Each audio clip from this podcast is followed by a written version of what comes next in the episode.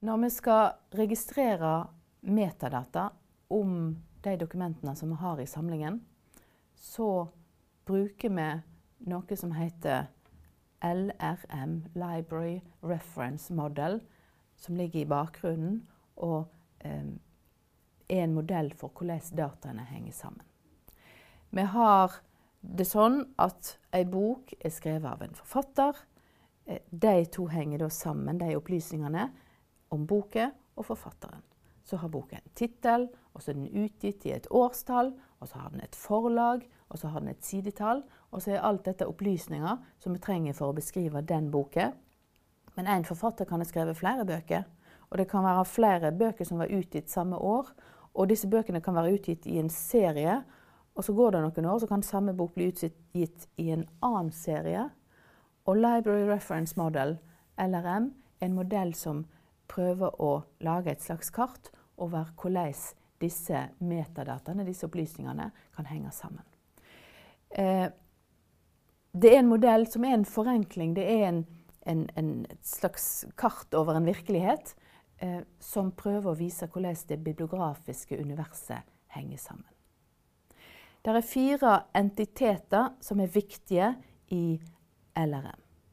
Det første er verket. Hvis vi bruker bøker som et eksempel, dette kan være filmer og andre ting òg, men hvis vi bruker bøker som et eksempel, så er verket er den, den kunstneriske enheten som en forfatter lager. Det verket kan være realisert i et uttrykk. Uttrykket er ordene på det språket. I første omgang er det originalspråket som forfatteren skriver på så kan uttrykket bli konkretisert i en manifestasjon. Her er boka, her er teksten.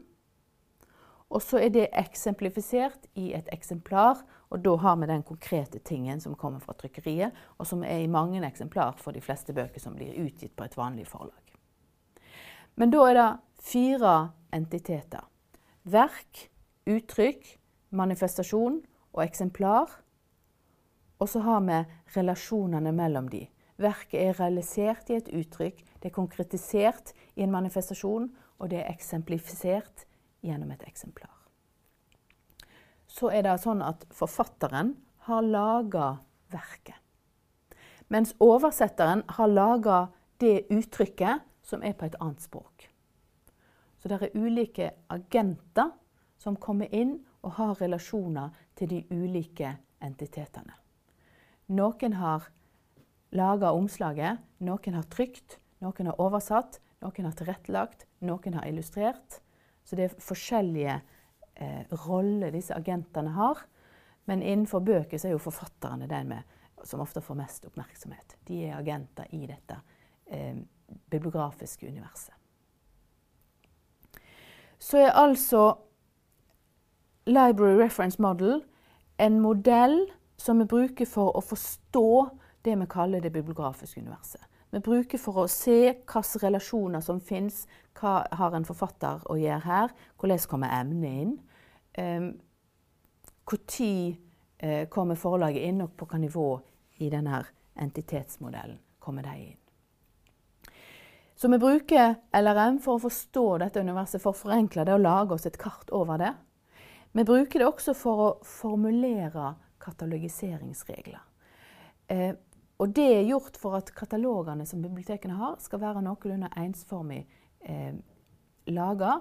Sånn at de dataene som ett bibliotek har, kan brukes i et annet bibliotek også. Det forenkler arbeidsoperasjoner voldsomt, og det forenkler søking på tvers av kataloger voldsomt.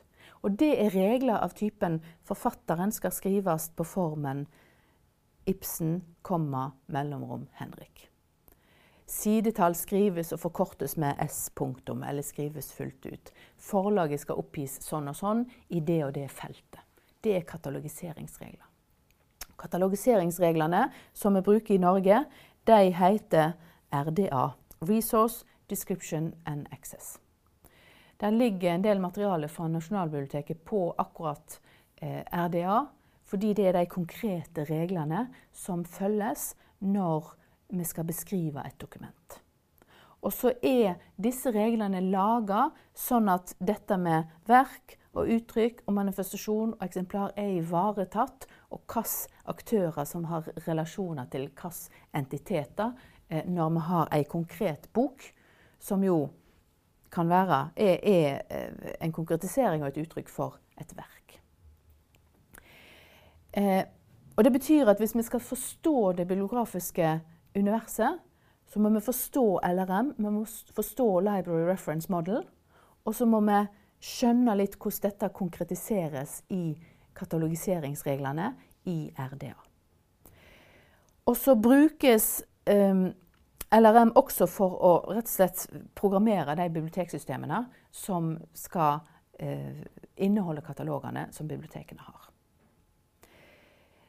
Så det er litt om det bibliografiske universet og de rammene som fins i Norge. Det er sånn at det vanlige er i folkebibliotek at man lager ikke katalogpostene sjøl. Man kjøper de, importerer de fra noen andre.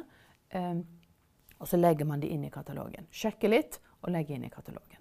Det fins eh, to leverandører i Norge. Det er Biblioteksentralen og det er Bokbasen.